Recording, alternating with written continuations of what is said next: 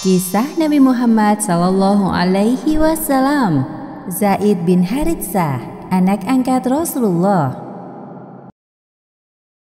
Zaid bin Haritsah adalah sahabat yang selalu membersamai Nabi Muhammad sejak beliau belum menerima wahyu. Zaid adalah sahabat dari kalangan budak yang kemudian diangkat menjadi putra Rasulullah. Ia juga termasuk dalam golongan asabikunal awalun yaitu golongan orang yang pertama-tama masuk Islam. Sebelum Islam datang di Jazirah Arab, praktek perbudakan merupakan hal yang umum terjadi. Tuntutan ekonomi yang menyebabkan hal tersebut dianggap manusiawi. Tidak sedikit ditemukan para majikan yang memperlakukan budaknya dengan semena-mena. Hakim bin Hizam adalah keponakan dari Khadijah. Ia baru pulang dari pasar Ukas dan membeli beberapa budak laki-laki. Salah satu dari mereka akan ia berikan kepada Khadijah.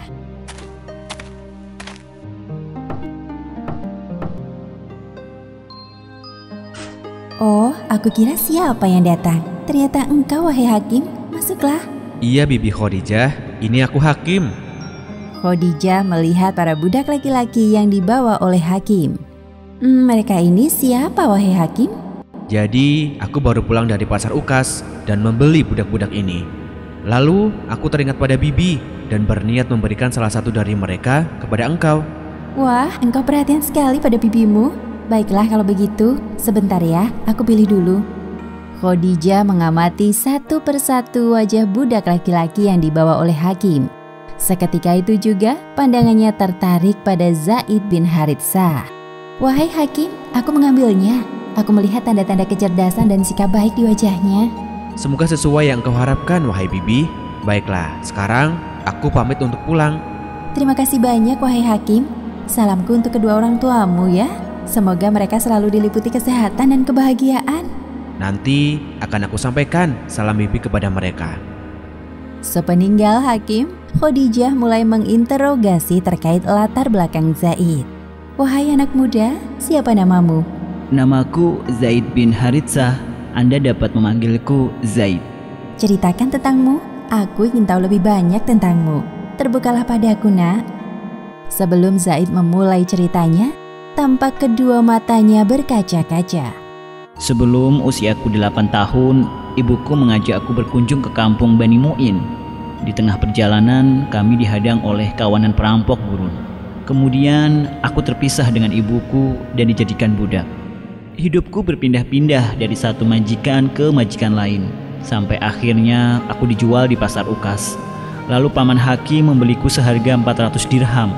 Begitulah cerita singkatnya, wahai Sayyidah. Hmm, sedih hatiku mendengarnya, nak. Engkau sungguh anak muda yang kuat dan hebat, wahai Zaid. Sekarang, engkau adalah bagian dari keluarga kami. Lakukan pekerjaan yang menurutmu mudah dikerjakan. Terima kasih banyak, wahai Sayyidah. Zaid datang sebelum Khadijah menikah dengan Muhammad. Beberapa tahun kemudian setelah Khadijah menikah dengan Muhammad, Khadijah memberikan Zaid kepada suaminya sebagai hadiah. Tentu saja Muhammad sangat senang menerimanya. Zaid telah beliau anggap seperti putranya sendiri.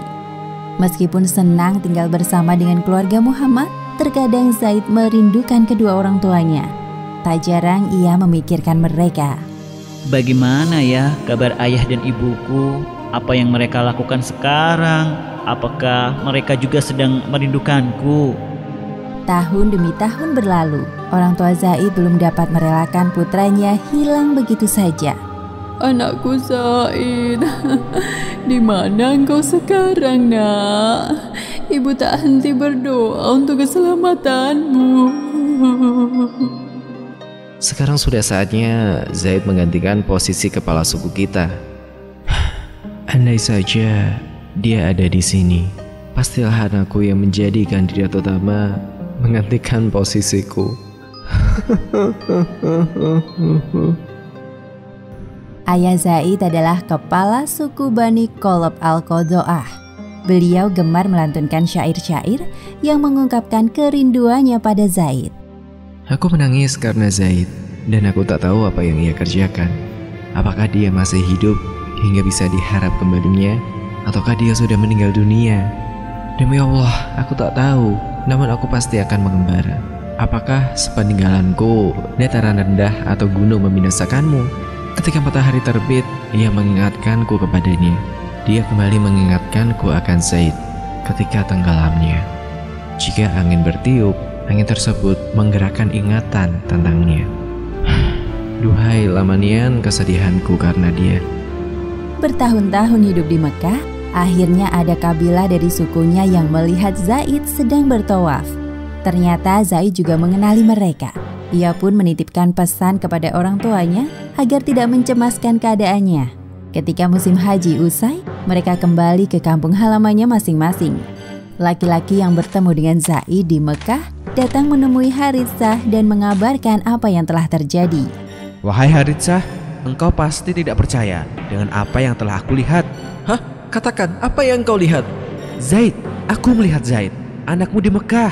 Aku bahkan berbicara dengannya. Benarkah itu? Syukurlah. Di mana tepatnya engkau melihat anakku? Aku melihatnya saat tawaf di Ka'bah. Ia berjalan bersama seseorang yang bergelar Al-Amin. Selama ini, Zaid tinggal di rumah mereka setelah dibeli oleh seseorang. Siapa orang yang engkau maksud Al-Amin itu?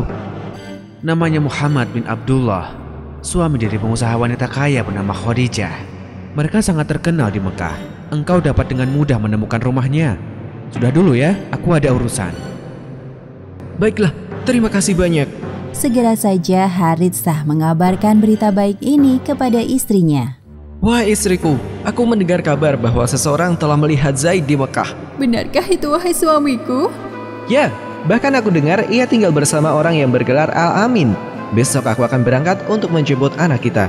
Iya, besok pagi-pagi engkau harus berangkat. Aku sangat merindukan putraku Zaid. Zaid yang malang, ibu rindu nak. Keesokan harinya, Haritsah berpamitan dengan istrinya untuk berangkat menjemput putra mereka yang hilang. Ia berangkat bersama dengan saudaranya dari Bani Kolab. Sepanjang perjalanan, Haritsah selalu mengucap syukur atas kembalinya Zaid. Setibanya di Mekah, ia langsung bertanya kepada salah satu penduduk di mana letak rumah Muhammad bin Abdullah. Aku melihatnya di masjid. Jika engkau ada keperluan dengannya, temuilah di sana.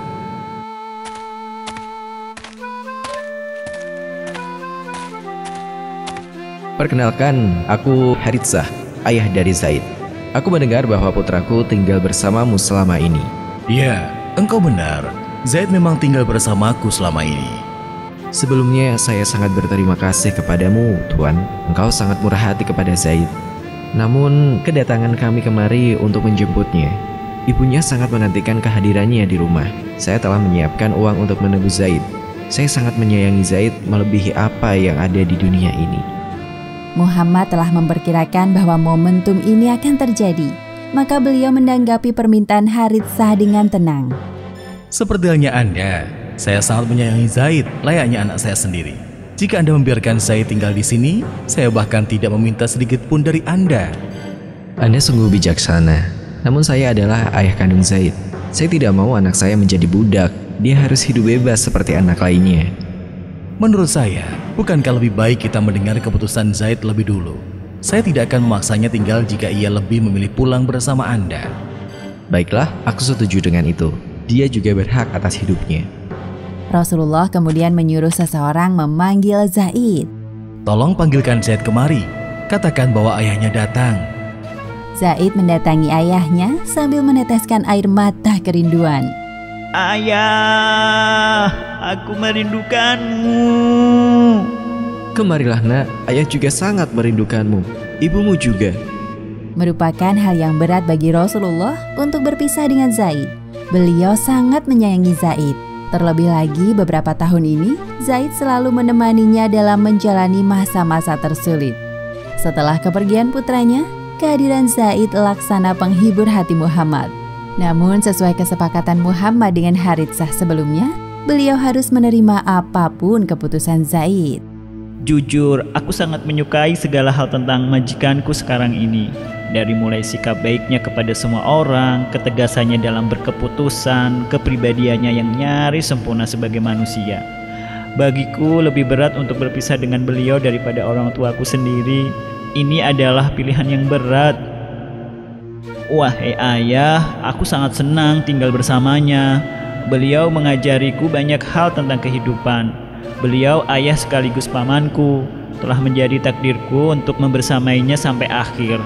Bukan berarti aku tidak menyayangimu dan ibu. Kalian tetaplah kedua orang tuaku yang tidak akan tergantikan oleh siapa pun.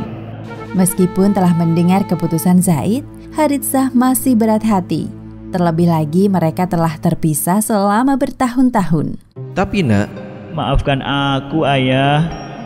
Muhammad merasa terharu mendengar keputusan Zaid yang lebih memilih dirinya dibanding ayah kandungnya sendiri. Seketika itu juga dipegangnya tangan Zaid dan diajaknya ke Ka'bah.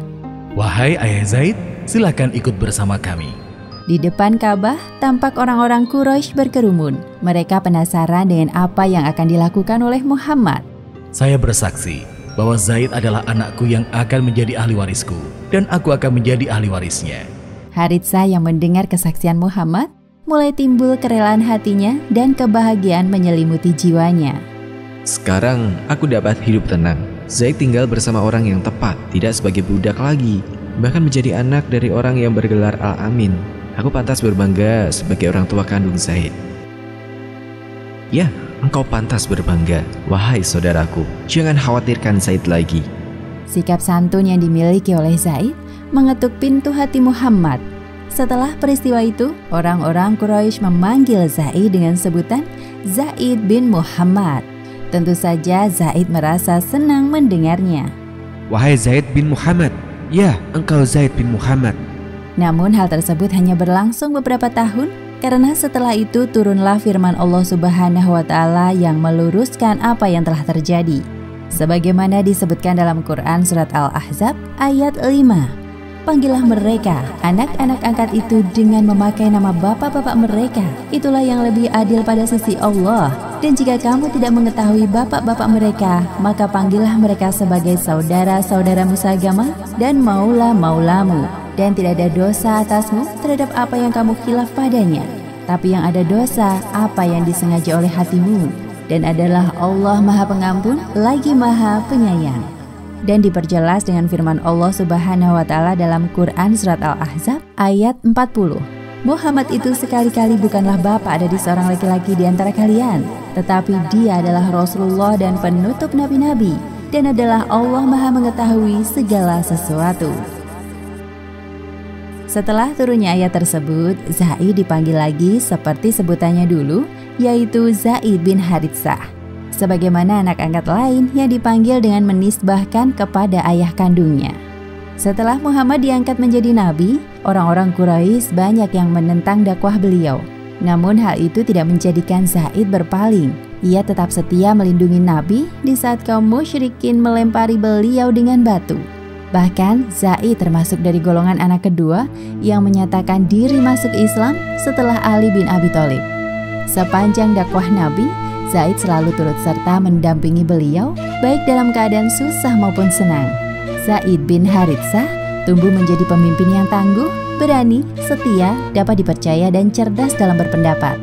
Ketika Rasulullah sedang berperang, beliau menyerahkan kepemimpinan sementara padanya Zaid meninggal dunia sebagai syuhada di Perang Mu'tah pada tahun 8 Hijriah.